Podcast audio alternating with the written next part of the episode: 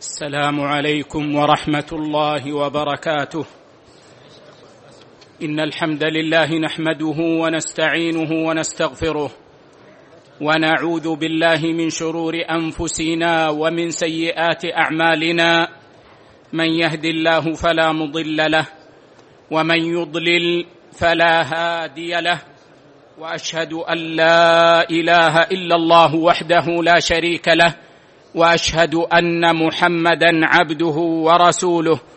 يا ايها الذين آمنوا اتقوا الله حق تقاته ولا تموتن إلا وأنتم مسلمون. يا أيها الناس اتقوا ربكم الذي خلقكم من نفس واحدة وخلق منها زوجها وبث منهما رجالا كثيرا ونساء. واتقوا الله الذي تساءلون به والأرحام إن الله كان عليكم رقيبا. يا أيها الذين آمنوا اتقوا الله وقولوا قولا سديدا. يصلح لكم أعمالكم ويغفر لكم ذنوبكم. ومن يطع الله ورسوله فقد فاز فوزا عظيما. أما بعد فإن خير الحديث كتاب الله. وخير الهدى هدى محمد صلى الله عليه وسلم وشر الأمور محدثاتها وكل محدثة بدعة وكل بدعة ضلالة وكل ضلالة في النار. ثم يا معاشر الفضلاء إن من أفضل ما تمضى فيه الأوقات وأزكى ما تجعل فيه الأعمار الجلوس في حلق العلم تعليما وتعلما فذاك سبب لرفعة الله عز وجل لعبده سبحانه وتعالى. كما قال ربنا سبحانه يرفع الله الذين آمنوا منكم والذين أوتوا العلم درجات وسلوك الطريق إلى حلق العلم.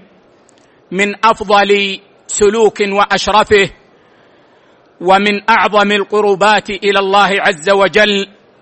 فقد قال النبي صلى الله عليه وسلم من سلك طريقا يلتمس به علما سهل الله له طريقا إلى الجنة وإن الملائكة لتضع أجنحتها لطالب العلم رضا بما يصنع وإن العالم ليستغفر له من في السماوات ومن في الأرض حتى الحيتان في الماء. وفضل العالم على العابد كفضل القمر على سائر الكواكب. ألا وإن العلماء ورثة الأنبياء وإن الأنبياء لم يورثوا دينارا ولا درهما وإنما ورثوا العلم. وبالتعلم والعلم يحصل العبد خشية الله عز وجل كما قال ربنا سبحانه وتعالى إنما يخشى الله من عباده العلماء وبسلوك الإنسان نفسه في حلق العلم تعليما وتعلما يكون سالما من لعنة الله سبحانه وتعالى كما قال نبينا صلى الله عليه وسلم الدنيا ملعونة ملعون ما فيها إلا ذكر الله وما والاه وعالما ومتعلما فالدنيا مبعدة بعيدة عن الله عز وجل لأنها مبعدة عن الله عز وجل إلا ما قرب إلى الله منها فإنه مرضي وصاحبه في خير وسلامة إلا ذكر الله وما والاه وعالما يعلم الناس ومتعلما يتعلم من العلماء وفضل العلم فضل كبير كثير ويعظم الشأن إذا كان المؤمن يتعلم في بيت من بيوت الله فإنه يدخل أصالة في قول النبي صلى الله عليه وسلم وما اجتمع قوم في بيت من بيوت الله يتلون كتاب الله ويتدارسونه بينهم إلا نزلت عليهم السكينة وغشيتهم الرحمة وحفتهم الملائكة وذكرهم الله في من عنده ويكون موعودا بثواب عظيم هو ثواب الحج الذي أتمه الله عز وجل لصاحبه والحج التام المبرور ليس له جزاء إلا الجنة. فقد قال النبي صلى الله عليه وسلم من غدا إلى المسجد لا يريد إلا أن يتعلم خيرا أو يعلمه كان له كأجر حاج تاما حجته. ويعظم الفضل وتزداد النعمة على العبد إذا كان جلوسه في حلق العلم في مسجد النبي صلى الله عليه وسلم. وقد قال النبي صلى الله عليه وسلم من أتى مسجدي هذا ليتعلم خيرا أو يعلمه كان كالمجاهد في سبيل الله. فمن جلس في حلق العلم في مسجد النبي صلى الله عليه وسلم رجي أن يقوم من مجلسه بفضل طلب العلم ونور العلم وأثره وأن يقوم بأجر الحاج الذي أتم الله له حجه وأن يرجع بأجر المجاهد في سبيل الله وأنعم بها من أجور. ونحن بحمد الله عز وجل نستأنف مجالسنا في مسجد رسولنا صلى الله عليه وسلم ونرجو من ربنا الرحمن الكريم الرؤوف الرحيم أن يعطينا ما نرجو وأن يزيدنا من فضله وأن يرزقنا الإخلاص في القول والعمل وأن يجعل في كلامنا واجتماعنا رحمة ونفعا لأمة محمد صلى الله عليه وسلم. ودروسنا ستكون كما عهدتموها. في يوم الأحد في عصره في القواعد الفقهية حيث نشرح كتاب القواعد والأصول الجامعة والفروق والتقاسيم البديعة النافعة للشيخ بن سعدي رحمه الله عز وجل ويوم الثلاثاء يكون في شرح صحيح الترغيب والترهيب للإمام الألباني رحمه الله الذي انتقاه من الصحيح والترغيب للإمام المنذري رحمه الله عز وجل. وهذا في العصر أيضا. وفي عصر الأربعاء يكون في أصول الفقه حيث نشرح ونكمل شرح كتاب الأصول من علم الأصول للشيخ ابن عثيمين رحمه الله عز وجل وفي عصر الأربعاء الخميس والجمعة والسبت يكون في الفقه في شرح كتاب دليل الطالب ويكون لنا درس في فجر السبت في شرح العقيدة الواسطية. وسيكون الدرس إن شاء الله خمسا وأربعين دقيقة.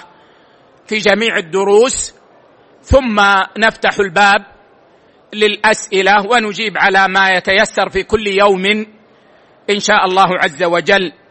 ودرسنا اليوم كما علمتم وفهمتم في شرح كتاب القواعد والأصول الجامعة والفروق والتقاسيم البديعة النافعة للإمام المتفنن المفسر الفقيه الأصولي عبد الرحمن بن ناصر ابن سعدي السعدي رحمه الله عز وجل وسائر علماء المسلمين.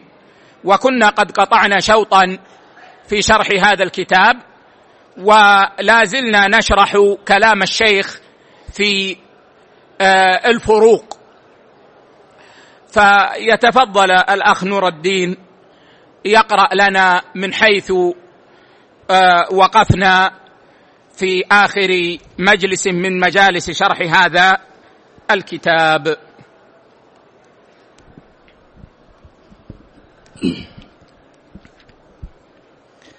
الحمد لله رب العالمين والصلاة والسلام على أشرف الأنبياء والمرسلين نبينا محمد وعلى آله وصحبه أجمعين. أما بعد فاللهم اغفر لنا ولشيخنا والسامعين.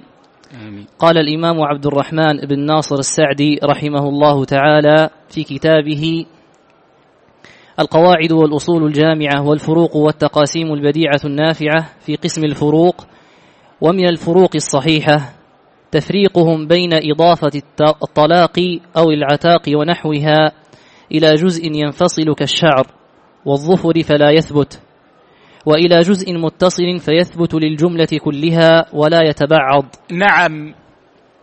الرجل إذا نجز الطلاق وأضافه إلى امرأته إما أن يضيفه إلى المرأة كلها فيقول زوجتي فلانة طالق. أو فلانة طالق أو أنت طالق أو جسدك طالق أو نفسك طالق أو روحك طالق. وهنا يقع الطلاق باتفاق العلماء وإما أن يضيف الطلاق إلى جزء من الزوجة. يضيف الطلاق منجزا إلى جزء من الزوجة. وهذا هو محل الفرق هنا. فهو إما أن يضيف الطلاق إلى جزء لا ينفصل عن الزوجة في حال السلامة.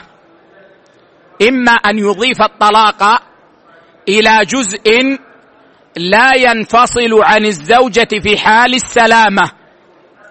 كأن يقول رأسك طالق. أو يقول يدك طالق. أو يقول رجلك طالق. أو يقول وجهك طالق. أو يقول فرجك طالق. أو يقول عينك طالق. فهذا أو هذه الأجزاء لا تنفصل في حال السلامة. وفقدها نقص. فقدها نقص. وإما أن يضيف الطلاق إلى جزء ينفصل في حال السلامة في العادة.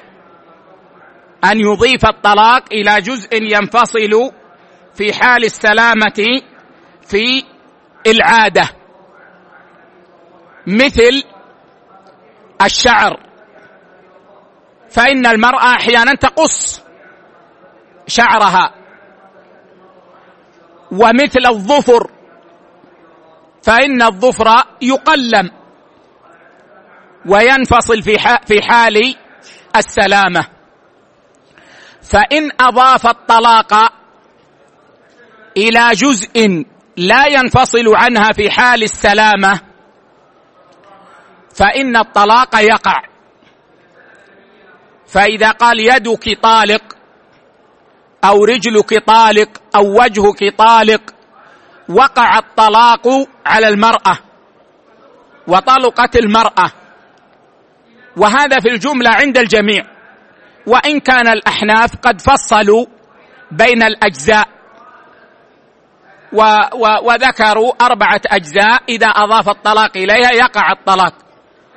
لكن الجمهور على أن كل الأجزاء التي لا تنفصل في حال السلامة إذا أضاف الزوج الطلاق إليها فإن الطلاق يقع. لأن ذكر بعض ما لا يتجزأ كذكر كله. لأن ذكر بعض ما لا يتجزأ كذكر كله. فالطلاق لا يتجزأ والمرأة لا تتجزأ في الطلاق. المرأة ما تتجزأ في الطلاق. ما يمكن أن يكون رأسها طالق ورجلها زوجة. وما يمكن أن يتجزأ الطلاق. ففي هذه الحال يقع الطلاق. لأن إعمال الكلام أولى من إهماله. لأن إعمال الكلام أولى من إهماله. وقال بعض أهل العلم لأن هذه الأجزاء تدل على الكل. يعني العلة الأولى أن ذكر بعض ما لا يتجزأ كذكر كله. والعلة الثانية أن إعمال الكلام أولى من إهماله. فتنزيل الأحكام عليه أولى من إلغائه. والعلة الثالثة أن هذه الأجزاء يعبر بها عن الكل. يعبر بها عن الكل. كما قال الله عز وجل فبما كسبت أيديكم فبما كسبت أيديكم. وليس المقصود خصوص الأيدي بل يعني بما كسبتم. بعيونكم بألسنتكم بآذانكم بأرجلكم بأيديكم. فعبر بالايدي عن الكل. فهذا أسلوب عربي شرعي صحيح. أن يعبر بهذه الأجزاء التي لا تنفصل عن الكل. فيقع الطلاق بإضافته إليها. أما إذا أضاف الطلاق إلى ما ينفصل في حال السلامة ولا يعد سقوطه نقصا. مثل أن قال شعرك طالق أو قال ظفرك طالق. فإن الطلاق لا يقع. فإن الطلاق لا يقع لأن هذه الأجزاء لا لا لا يعبر بها عن الكل ولا يلتفت إليها في الجملة. يعني ما جرت العادة أن أن الناس يعبرون بها عن الكل. أما الأجزاء التي لا تنفصل ففي اللغة وفي الشرع وفي عرف الناس. يعني في عرف الناس إنه يعبر بهذه الأجزاء عن الكل. يعني بعض الناس عندهم في العادة أن الرجل إذا خطب امرأة يقول لأب المرأة أطلب يد ابنتك. أطلب يد ابنتك. يعني أطلب ابنتك. ولا يفهم عاقل من قوله أطلب يد ابنتك أنه يريد يدها فقط. فهذه يعبر بها عن الكل بخلاف الشعر والظفر لا في اللغة ولا في الشرع ولا في العرف. لا يعبر بها عن الكل فلا يقع الطلاق إذا أضيف منجزا إليها. فهذا فرق صحيح. ظاهر بين. نعم. قال رحمه الله لكن قولهم من خولع بعضها وجزء منها لم يصح الخلع ضعيف. نعم. نص بعض الحنابلة على أن من شروط صحة الخلع أن يقع على الزوجة كلها. أن يقع على الزوجة كلها. فيقول خالعتك أو خلعتك. أما إذا وقع على بعضها فقال خلعت يدك أو خلعت رجلك أو خلعت بطنك فإنه لا يصح الخلع. طبعا الخلع تعرفونه جميعا. وهو مفارقة الرجل امرأته بعوض. مفارقة الرجل امرأته بعوض. فيأخذ منها عوضا مقابل أن يفارقها. وبعضهم يزيد بألفاظ مخصوصة. لكن الصحيح أن هذا ليس قيدا. بل ما جرى به العرف فإنه يصلح به الخلع. أو افتداء المرأة نفسها من زوجها بمال. افتداء المرأة نفسها من زوجها بمال. فذكر بعض الحنابلة أن من شروط صحة الخلع أن يقع على الزوجة كلها. أما إذا وقع على جزء فإنه لا يصح. طيب لماذا؟ قالوا لأن الخلع فسخ. والفسخ لا يقع بالجزء لأنه لا يلحقه السريان. لأنه لا يلحقه السريان يعني ما يسري من الجزء إلى الكل. فقالوا إنه لا يصح إذا أضيف إلى الجزء لأنه فسخ. والراجح أنه إذا خالع بعضها مما لا ينفصل في حال السلامة أنه يصح الخلع ويقع الخلع مثل الطلاق. سواء بسواء لما ذكرناه في الطلاق. نعم. قال رحمه الله فإن التفريق في هذا بين الخلع والطلاق ضعيف. قال وأما التصرفات الأخر. وأما التصرفات الأخر فيقصد بها العقود الثبوتية التي تقبل التشريك. العقود الثبوتية التي تقبل التشريك. فهذه تقع على الجزء خاصة. يعني تصح أن تضاف إلى الجزء وتقع على الجزء ولا تكون على الكل. مثال ذلك. قلت لك أبيعك نصف سيارتي. أبيعك نصف سيارتي. بخمسة آلاف. وتقول قبلت. هنا هل يأتي واحد ويقول أنت لما قلت له بعت بعتك نصف سيارتي كأنك قلت بعتك سيارتي. نقول لا. لأن هذا عقد ثبوتي يقبل الشراكة. نكون شريكين في السيارة ما في إشكال. أو أقول مثلا بعتك نصف بيتي. نصف بعتك نصف بيتي. طيب.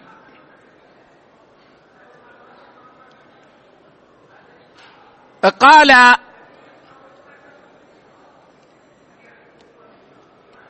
الأب للزوج زوجتك نصف ابنتي. زوجتك نصف ابنتي.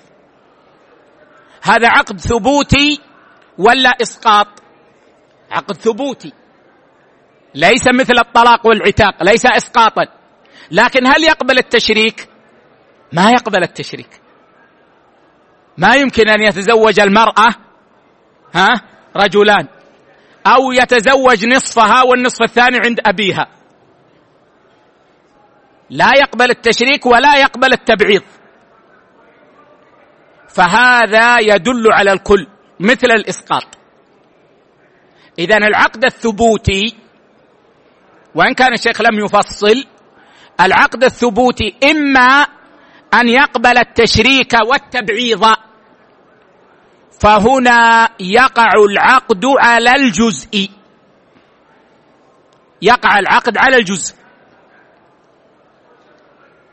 وإما الا يقبل التشريك ولا التبعيض فهنا يدل الجزء على الكل. فيدخل تحت قاعدة ذكر بعض ما لا يتجزأ كذكر كله. ذكر بعض ما لا يتجزأ كذكر كله. نعم. قال رحمه الله وأما التصرفات الأخر كالبيع والإجارة والشركات فهمتم يا اخوه اني أقول لكم قيدوها. التصرفات الأخر التي هي الثبوتية التي تقبل التشريك والتبعيض. وليس مطلقا هكذا. التي تقبل التشريك والتبعيض. نعم. قال وأما التصرفات الأخر كالبيع والإجارة والشركات والوقف والهبة ونحوها فيصح تبعيضها ووقوعها على بعض الشيء دون بقيته والله أعلم. نعم. قال ومن الفروق الصحيحة الفروق التي ذكروها بين الهبة والوصية والفروق التي بين العطية في مرض الموت والوصية. نعم انتبهوا. عندنا هنا تفريقان. التفريق الأول التفريق بين الهبة.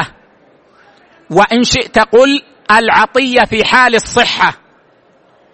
وبين الوصية والهبة في مرض الموت. هذا التفريق الأول. التفريق بين الهبة وبين الوصية والعطية في مرض الموت. اذا عندنا جانب هو الهبة وجانب آخر هو الوصية والعطية في مرض الموت. والتفريق الثاني الفرق بين الوصية والعطية في مرض الموت.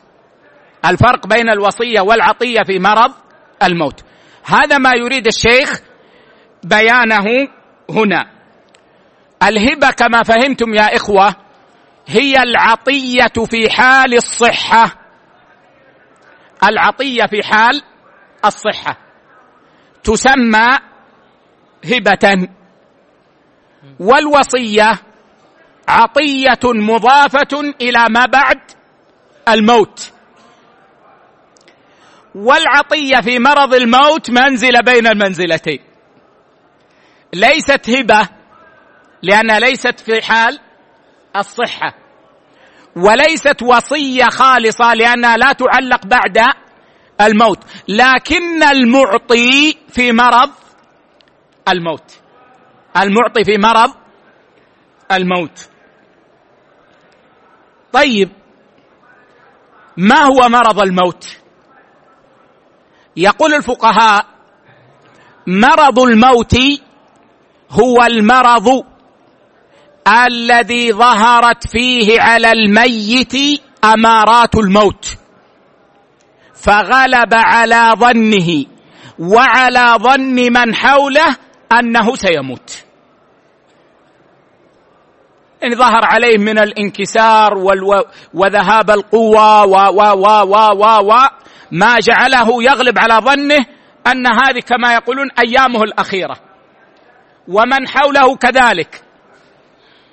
يزوره أهله ويذهبون إلى غرفهم وهم يظنون أنهم لو رجعوا إليه وجدوه ميتا. إذا هو الذي ظهر أو المريض الذي ظهرت عليه الأمارات التي تجعل الظن غالبا أنه سيموت.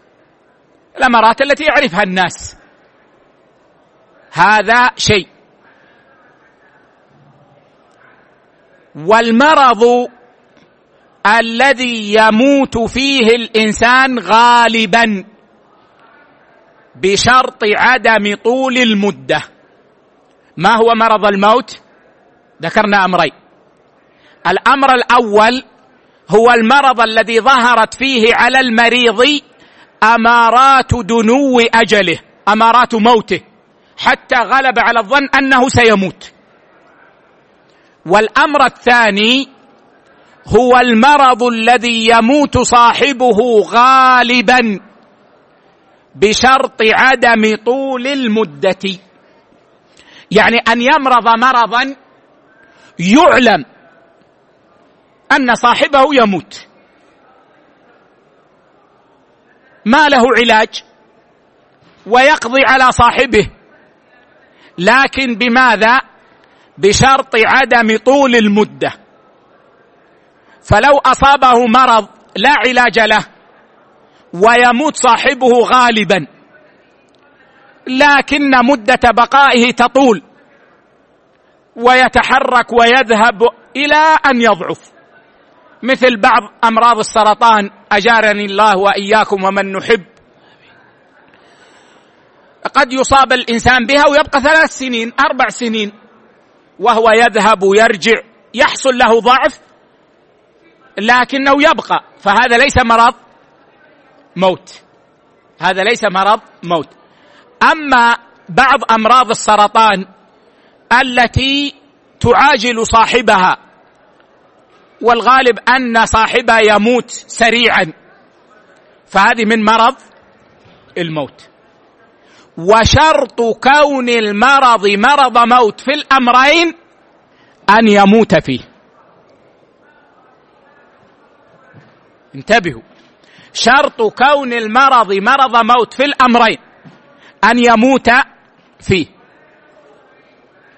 يعني يا إخوة رجل مرض وظهرت عليه علامات الضعف و و و و و وانكسر انكسارا شديدا حتى غلب على ظننا أنه سيموت.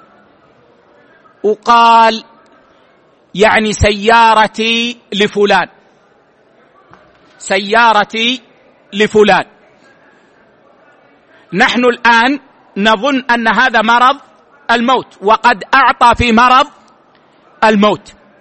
لكنه بعد سبعة أيام ثمانية أيام بعد شهر شفي.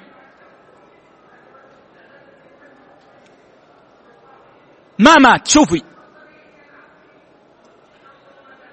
هل هذه العطية في مرض الموت؟ لا. تبين أنها في الصحة. لأن الصحة معناها ليس مرض الموت ليس الصحة مطلقا. ما دام أنه لم يمت في المرض الذي أعطى فيه فهذا ليس مرض موت. وإن كنا ظننا أنه مرض موت. شخص أصيب بنوع من أنواع السرطان التي في العادة تقضي على صاحبها سريعا. بعد العلم به يبقى شهرا أو شهرين ثم يموت. وأعطى عطية. من حيث الأصل هذه العطية في مرض الموت. لكن شاء الله فعاش سنة سنتين. يتبين لنا هنا أن هذه العطية ليست في مرض الموت.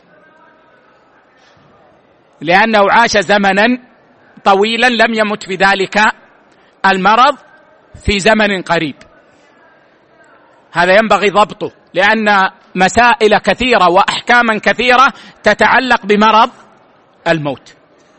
طيب ما الفرق بين الهبة والوصية والعطية في مرض الموت؟ الفرق أن الهبة تثبت حالا وتكون في جميع المال أو بعضه وتكون لكل أحد سواء كان وارثا أو لم يكن. وارثا انتبهوا. الهبة تثبت حالا في وقتها. أعطيتك الكتاب. ثبتت الهبة الآن. إما أن تقول قبلت تأخذ أو تقول لا أريدها وترد الهبة. تثبت حالا. ليست معلقة على الموت ولا غير ذلك تثبت حالا. أيضا قد تكون في جميع المال وقد تكون في بعضه. لو أن انسانا له زوجة ولا وارث له فوهب ماله كله لهذه الزوجة. صح صحت الهبة. صحت الهبة. لأنه لا جور فيها. وتثبت حالا. وهي في جميع المال. أيضا جاءنا الفرق الثالث. لوارث. هذه هبة لوارث أو لغير وارث؟ لوارث الزوجة ترث زوجها. ومع ذلك صحت الهبة. اذا الهبة تثبت فورا في وقتها وتكون في جميع المال أو نصف المال أو ثلث المال ما دام أنه صحيح التصرف. وتكون للوارث ولغير الوارث. بخلاف الوصية والعطية في مرض الموت. فإنها لا تكون إلا في ثلث المال. لا تكون إلا في ثلث المال. ولا تكون لوارث. لا تكون إلا في ثلث المال. ولا تكون لوارث. طيب. بقي شيء. وهو وهي الهبة إذا كان فيها جور. نحن قلنا الهبة تثبت للوارث ولغير الوارث. طيب إذا كان الهبة فيها جور. مثال ذلك العطية لأحد الأولاد من غير سبب. العطية لأحد الأولاد من غير سبب. الولد وارث والمعطي في حال الصحة الأب في حال الصحة لكن العطية فيها جور ولا عدل؟ فيها جور. النبي صلى الله عليه وسلم قال أشهد على هذا غيري فإني لا أشهد على جور. اذا فيها ظلم. رجل له ورثة.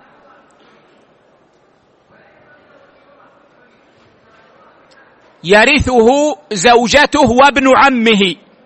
إذا مات سيترك زوجته وابن عمه. فترث الزوجه فرضها ويرث ابن العم تعصيبا. فوهب ماله كله لزوجته. فظاهر هذا أنه أراد حرمان ابن العم من الميراث. وهذا جور أو عدل؟ هذا جور. كل ما خالف شرع الله فهو جور. فهذا جور وظلم. هل تثبت هذه العطية مع ما فيها من جور وظلم؟ جمهور الفقهاء يقولون نعم تثبت. تثبت فورا. فعندهم الهبة تثبت ولو كان فيها جور.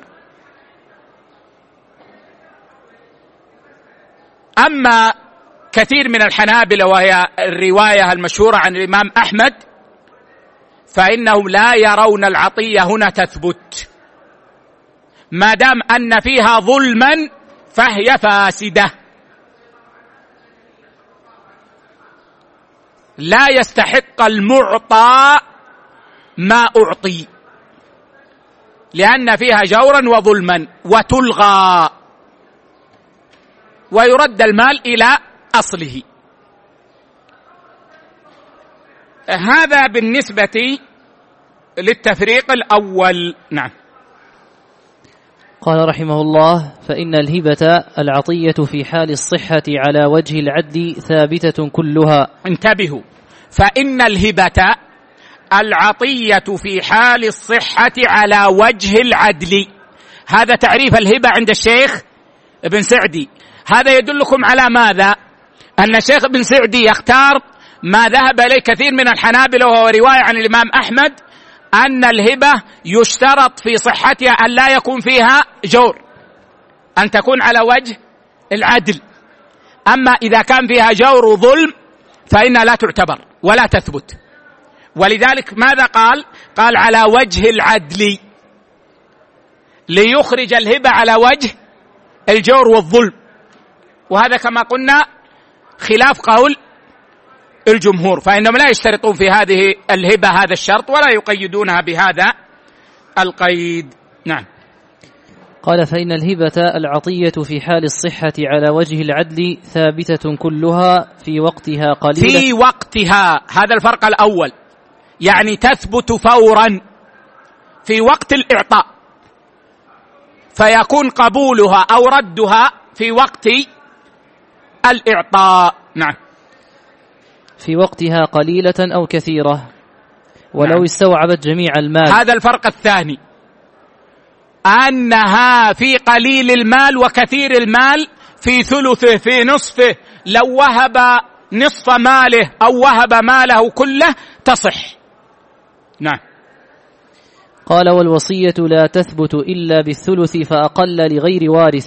طبعا نحن ذكرنا الفرق الثالث وهي أنها لوارث وغير وارث الهبة. بشرط أن لا يكون فيها جور. نعم. عند من يقيد هذا القيد. نعم. قال والوصية لا تثبت إلا بالثلث فأقل لغير وارث وتشارك العطية نعم. الوصية لا تثبت إلا بالثلث. فلا تصح الوصية بأكثر من الثلث. ولغير وارث فلا وصية لوارث. فلا تثبت الوصية بأكثر من الثلث ولا لغير ولا لوارث إلا إذا أجازها الورثه على الصحيح. ولا بعض أهل العلم يقولون ما تثبت أجازها الورثه أو لم يجزها. لكن الصحيح أن الورثه لو أجازوا وصية مورثهم بالنصف مثلا صحت الوصية. لأن المنع من أجل حقهم. وقد أسقطوا حقهم. أو أوصى لوارث. فقال الورثة نعم يستحق. لو لم يوصي لاعطيناه لو لم يوصي له بزيادة لاعطيناه مسكين هو فقير ونحن ولله الحمد والمنة أغنياء. تصح الوصية هنا على الراجح. لأن الحق للورثة وقد أسقطوه ورضوا بالوصية. وتثبت بعد الموت هذا زيدوه. ما ذكره الشيخ. الوصية تثبت بعد الموت. أما قبل الموت فليست ثابتة. لو أوصى لرجل يظنه صالحا ثم بعد شهرين تبين له أنه فاسق. فرجع عن الوصية ومزق ما كتب. سقطت الوصية. ما تثبت وتلزم إلا بعد الموت بالموت. فهذا الفرق بين الهبة والوصية والعطية ستخالف الوصية العطية في مرض الموت ستخالف الوصية في بعض الأمور. نعم. قال وتشارك العطية الوصية في هذا المعنى. لا قولوا قولوا وتشارك العطية في مرض الموت. لأن نحن فرقنا بين العطية والوصية. وتفا وتشارك العطية في مرض الموت الوصية في هذا المعنى. يعني في المعنى الذي ذكره الشيخ. ليس الذي أضفته الثالث في المعنى الذي ذكره الشيخ وهي أنها تكون في الثلث. فلو أعطى نصف ماله في مرض موته ما يزيد على الثلث لا يعتبر. إلا برضا الورثة. ولا تكون لوارث فلو أنه في مرض موته أوصى لزوجته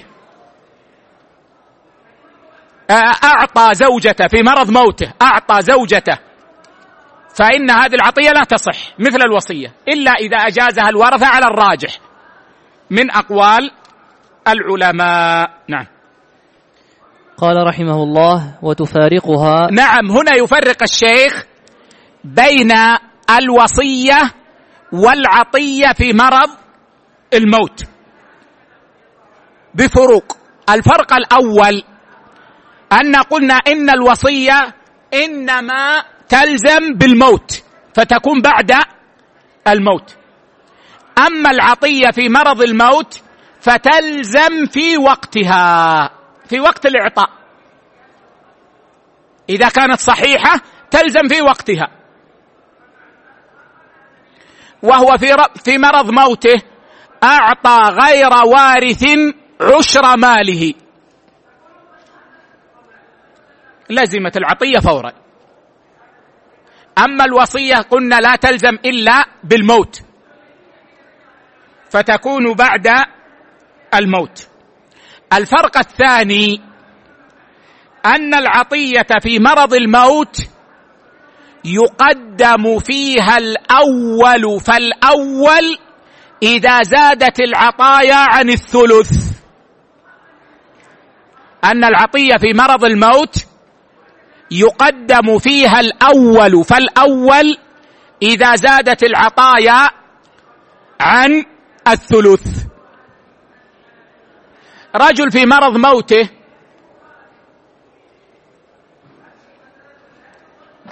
جاءه شخص.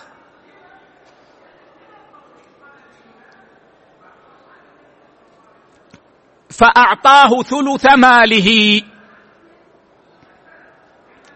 أو لنقل أعطاه سدس ماله. أعطاه سدس ماله. فجاءه شخص آخر بعد أسبوع. يعني لنقل الأول زيد. جاء فأعطاه سدس ماله. ثم بعد أسبوع جاءه عمرو فأعطاه سدس ماله. سدس زائد سدس يساوي كم؟ واحد زائد واحد يساوي اثنين والمقام كما هو. نقسم اثنين. على اثنين فيكون واحد ستة على اثنين فيكون ثلاثة إذا ثلث. إذا ثلث. جاءه خالد بعد شهر فأعطاه سدس ماله. العطية هنا زادت على الثلث ولا ما زادت؟ طيب ماذا نصنع؟ نعطي زيدا السدس. ونعطي عمرا السدس. فجاء خالد قال أين سدسي؟ قلنا طار مع الريح.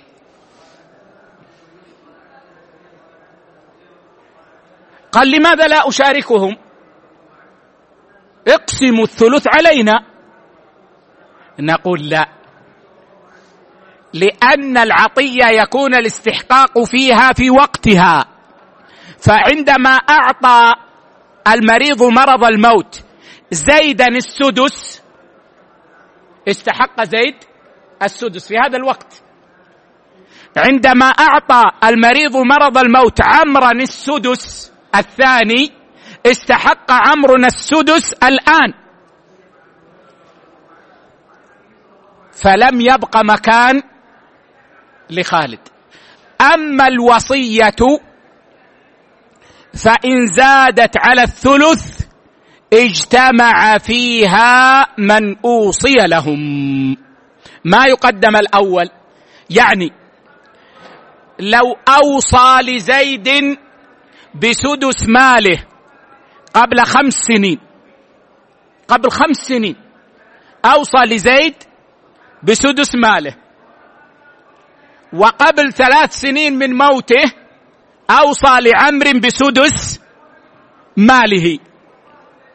وقبل أن يموت بأسبوع أوصى لخالد بسدس ماله. هنا الوصية زادت على الثلث أو لم تزد؟ زادت. طيب هل نقول لهم هاتوا الاوراق وننظر في التواريخ ونعطي الأول والثاني ونحرم الثالث؟ الجواب لا. في الوصية لا. ليه؟ لماذا؟ لأن الوصية تلزم بالموت وليس بوقت الإعطاء. اذا كأنه أوصى لهم في وقت واحد شرعا وهو عند موته. فماذا نفعل؟ نقسم المال الموصى به بينهم بمقدار أنصبتهم. فنأتي بالثلث ونقسمه بين الثلاثة. ما دام أنه ساوى بينهم هذا سدس وهذا سدس وهذا سدس نعطي هذا ثلث الثلث وهذا ثلث الثلث وهذا ثلث الثلث. اذا هذا الفرق الثاني. أنه إذا ازدحموا في العطية في مرض الموت حيث زادت عن الثلث نبدأ بالأول فالأول. أما إذا ازدحموا في الوصية فإنهم يشتركون. وعرفتم سبب ذلك.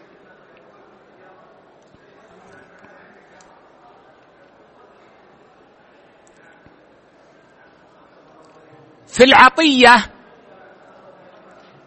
في مرض الموت يثبت الملك فورا. أما في الوصية فلا يثبت الملك إلا بعد الموت بالموت. ما فائدة هذا؟ فائدة هذا في الزوائد التي تقع بعد العطية أو بعد الوصية. وهو في مرض موته قال بقرتي هذه لزيد.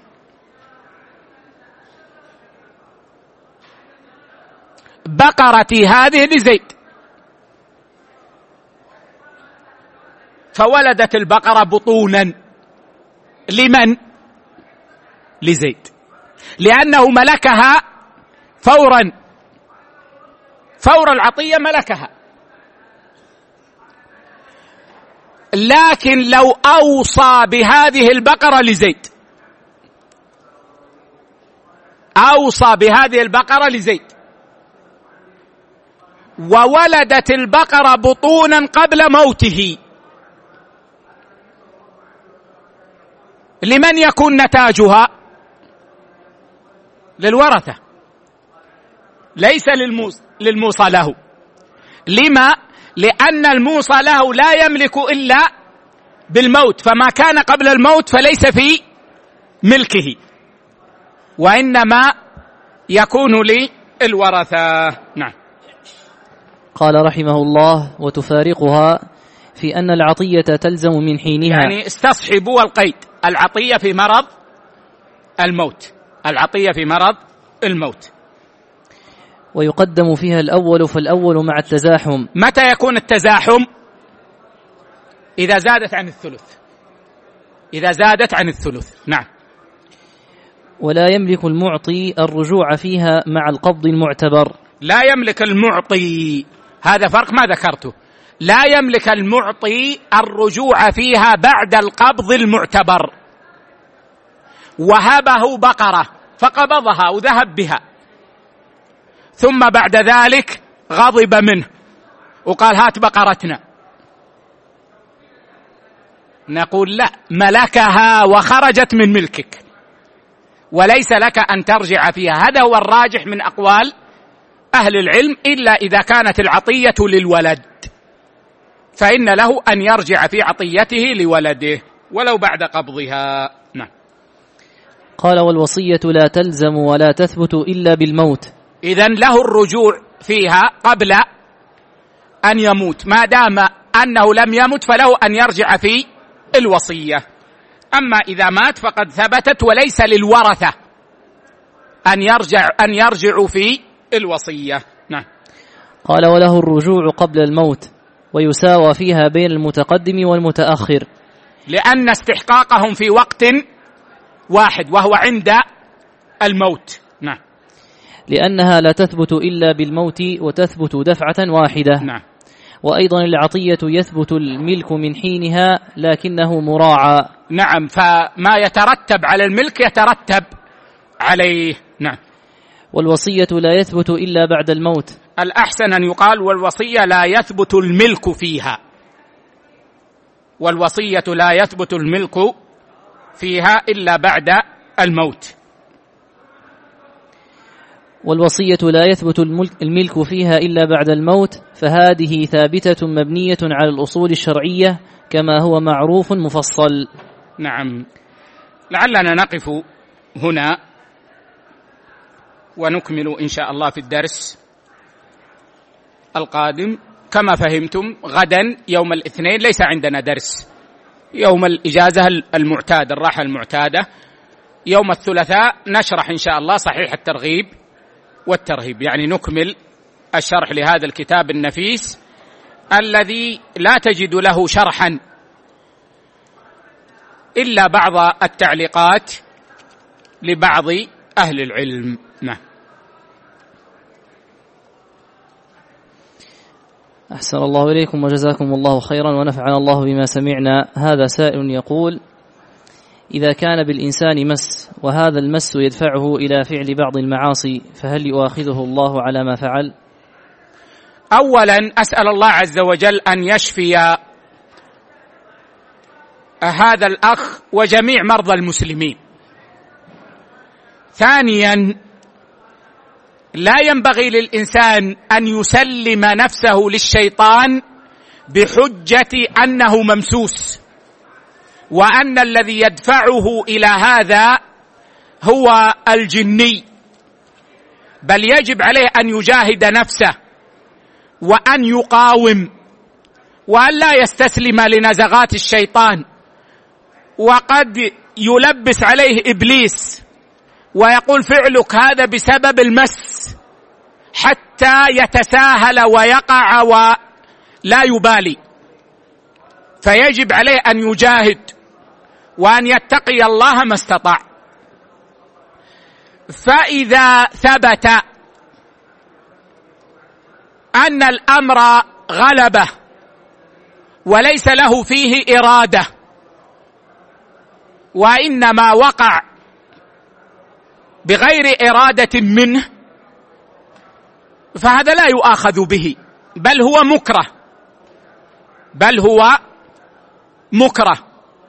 يعني مثلا لو أن الشيطان أو الجن الذي تلبس به أمره وأجبره وحمل على أن يضرب مسلما فإنه من حيث الحكم الشرعي وليس الحكم القضائي يعني ليس في حق العبد فإنه لا إثم عليه. لا إثم عليه لأنه مكره. أما الحكم القضائي فهذا ينظر فيه القاضي. والأصل عدم المس. لكن إذا ثبت ينظر القاضي في القضية ويحكم بين الخصمين. نعم. أحسن الله إليكم. هذا سائل يقول ما هو ضابط لباس الشهرة؟ لباس الشهرة كل لباس ليس مشروعا يجلب النظر إلى لابسه لخسته أو نفاسته. كل لباس ليس مشروعا. يجلب النظر إلى لابسه لخسته أو نفاسته. كل لباس ليس مشروعا. هذا يخرج اللباس المشروع. مثل رفع الثوب فوق الكعب. رفع الثوب فوق الكعب قد يلفت النظر إليك. في بعض البلدان إذا دخلت على القوم وقد رفعت ثوبك قليلا أو بنطالك قليلا عن الكعب كأنه دخل عليهم مضحك. كلهم ينظرون ويضحكون. هذا ليس لباس شهرة. هذه إحياء سنة. تؤجر عليها. وصبرك على أذى الناس تؤجر عليه. إذا كل لباس ليس مشروعا. هذا يخرج اللباس المشروع. كون المرأة تتجلبب وتلبس الجلباب الساتر للزينة في بعض البلدان يجعل كل الأنظار تنظر إليها. وسائره في الطريق الكل ينظر إليها. هذا ليس لباس شهرة. هذا إحياء سنة. ونقصد بالسنة الدين عموما وليس ما يثاب فاعله ولا يعاقب تاركه. كل لباس ليس مشروعا. ليس مشروعا لا يعني أنه محرم. لكن لم يشرع لم يحث عليه لم يطلب. يجلب النظر إلى لابسه لخسته. يلبس ثوبا مرقعا. وهو ما شاء الله غير محتاج.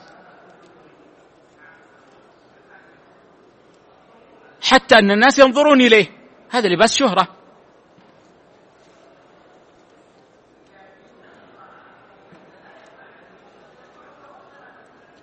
يلبس ثوبا يعني متسخا. حتى ان الناس تنظر إليه. ليس لضرورة ولا حاجة. لكن هكذا يلبس. أو في زماننا مثلا يلبس ثوبا غير مكوي. من غير حاجة. لكن هكذا يريد أن يلبس أمام الناس. حتى أنه إذا خرج الناس تنظر إليه. ما به. هذا لباس شهرة. أو لنفاسته. لا يلبسه امثاله في العادة. فيلبس لباسا يلفت النظر إليه لأنه غالي. أو لأنه متميز. هذا لباس شهرة. ما عندنا يا إخوة ما يقال يعني التميز في اللباس. أريد أن أكون صاحب شخصية صاحب تميز في لباسي. إذا وصلت إلى درجة أن الناس ينظرون إليك في لباسك فهذا لباس شهرة. وقد يكون أيضا بلونه. يلبس ثوبا بلون لا يلبس في البلد. فإذا خرج الناس ينظرون إليه. هذا لباس شهرة. اذا اللباس الذي يجعل الناس ينظرون إليك فهو لباس شهرة إلا إذا كان مطلوبا شرعا. فإنه من إحياء الدين والسنن. نعم. أحسن الله إليكم. هذا سائل يقول ما حكم التمسح بجدران المسجد؟ أجمع العلماء على أن التمسح بجدران المسجد بل وبجدران الحجرة الشريفة. بدعة محرمة. فإن اعتقد أن فيها بركة بذاتها وأنها تبارك بذاتها فهذا شرك. وقد نص فقهاء المذاهب الأربعة على أن التبرك بالحيطان وبجدران الحجرة ونحو ذلك محرم وممنوع.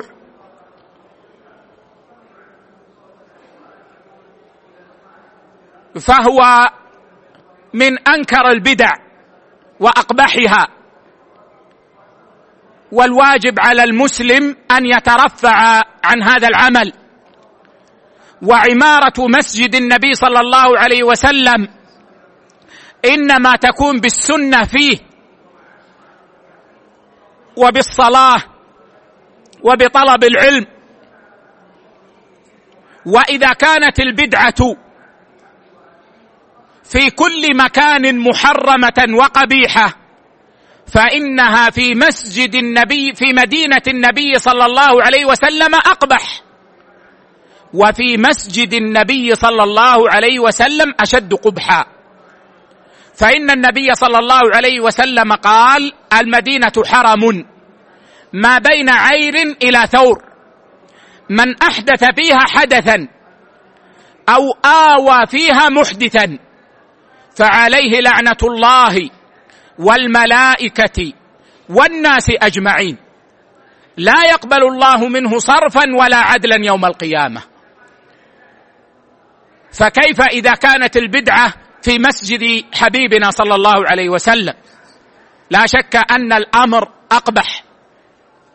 فالواجب على الذين يفعلون هذا ويتمسحون بالجدران والحيطان أن يتقوا الله وأن يقلعوا عن هذا وأن يتوبوا إلى الله مما فعلوه. سابقا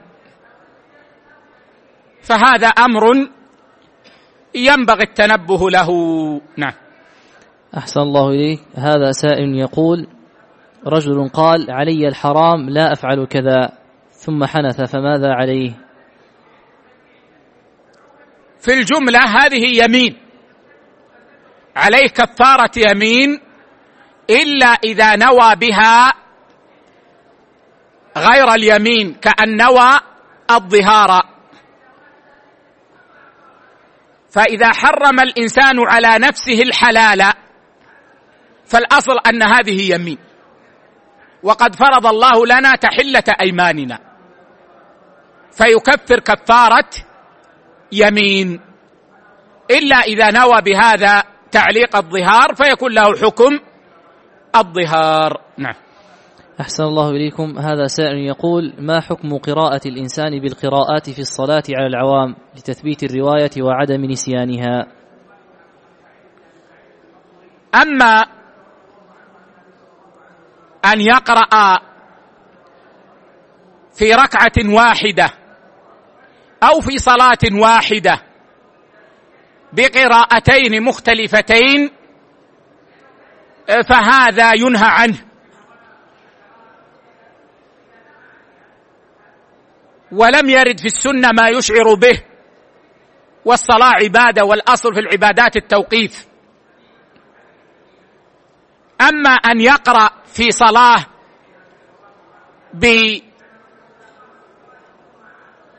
بقراءه وفي صلاة بقراءة أخرى فمرة يقرأ لحفص ومرة يقرأ لورش يعني في صلاة يقرأ لورش وفي وفي صلاة يقرأ لحفص وفي صلاة يقرأ لحمزة وفي صلاة يقرأ لقالون. المهم يقرأ في صلوات مختلفة. فالأصل الجواز ما لم تترتب على ذلك فتنة. الأصل الجواز ما لم تترتب على ذلك فتنة. يعني يا أخوة أنا إمام مسجد. وأعرف أهل مسجدي وهم يعرفونني. وقد عودتهم على هذا. فأنا أقرأ مرة ب لحفص مره لورش وهم يعرفون هذا مني وتعودوه عرفوه. ما ينكرون هذا. فهذا لا بأس به. أما إذا ترتبت على ذلك فتنة فإنه يقرأ في كل بلد بما يعرفون. إلا أن يكون القارئ غريبا فيعرفون أنه يقرأ بغير القراءة التي عندهم. فعندنا المعروف أنهم يقرؤون لحفص. ولو قرأ لحمزة مثلا ربما خرج بعض الناس من الصلاة.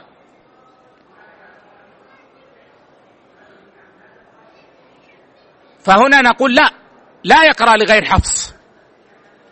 في المغرب يقرؤون لورش. وربما لو قرأ العوام بقراءة حفص أو لحفص لأوقعهم في فتنة واضطربوا في صلاتهم. فهنا نقول لا يقرأ لحفص. وهذا الذي صدرت به الفتاوى من اللجنة الدائمة ومن غيرها. نعم. أحسن الله إليكم هذا سائل يقول هل يجوز هل تجوز السياحة أو زيارة الأقارب في بلاد الكفر؟ أما السياحة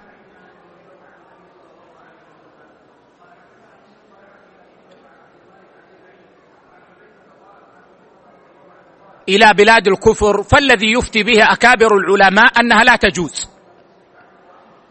أن يذهب الإنسان إلى ديار الكفر للسياحة هناك من يفتي بالجواز لكن الذي يفتي به الأكابر وتلقيناه عن علمائنا الكبار أنه لا يجوز.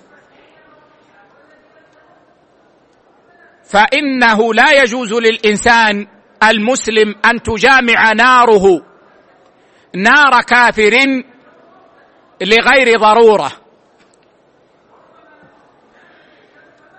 وحاجة وإذا كان المرور بأرض العذاب يطلب فيه الإسراع فكيف الذهاب بأماكن يفعل بها ما يستحق أهلها به العذاب؟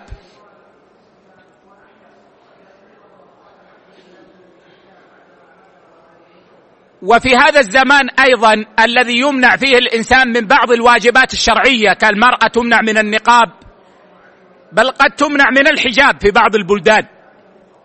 فالأمر أشد وأعظم. وفي بلاد المسلمين غنية عن هذا الذهاب. وأما الذهاب لأمر مشروع أو حاجة لأمر مشروع كالدعوة أو زيارة الأقارب أو نحو ذلك فلا بأس به.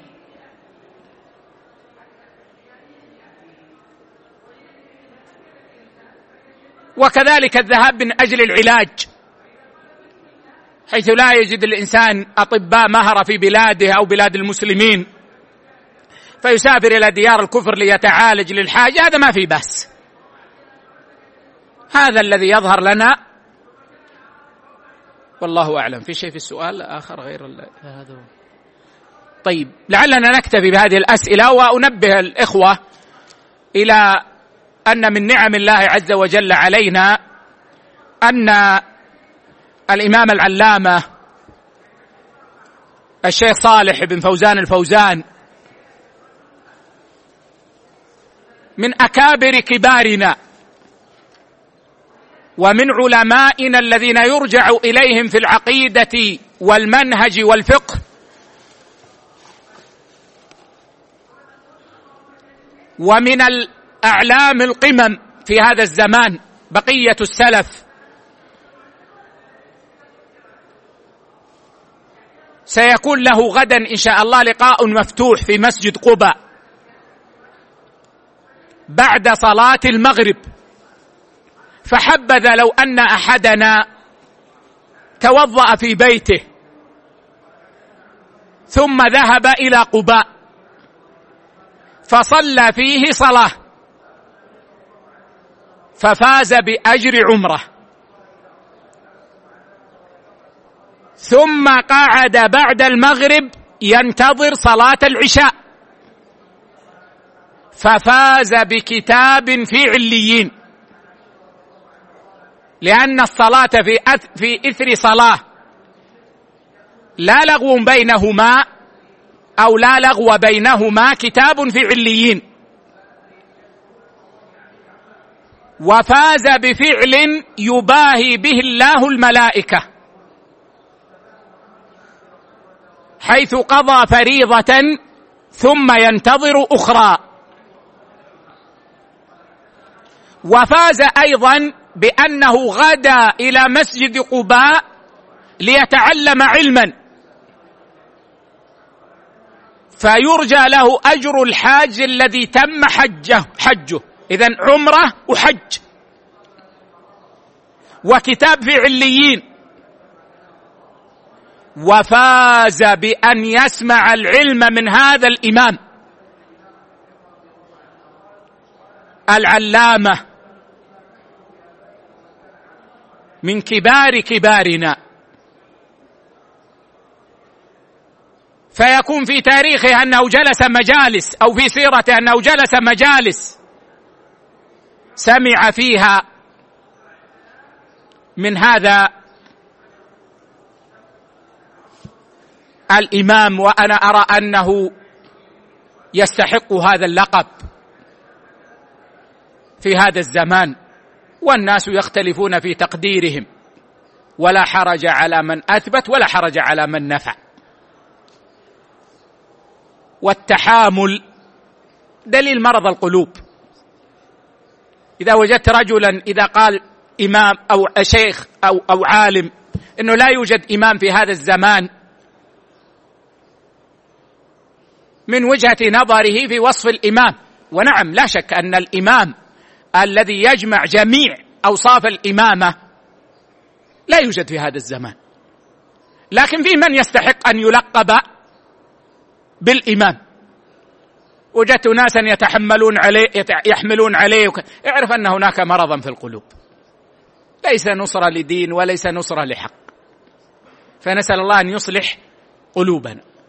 فأنا أوصي نفسي وإخواني بحضور هذا اللقاء. لعل الله عز وجل أن ينفعنا بهذا في استقامتنا في دنيانا وبالثواب العظيم في أخرانا. والله أعلم. صلى الله على نبينا وسلم.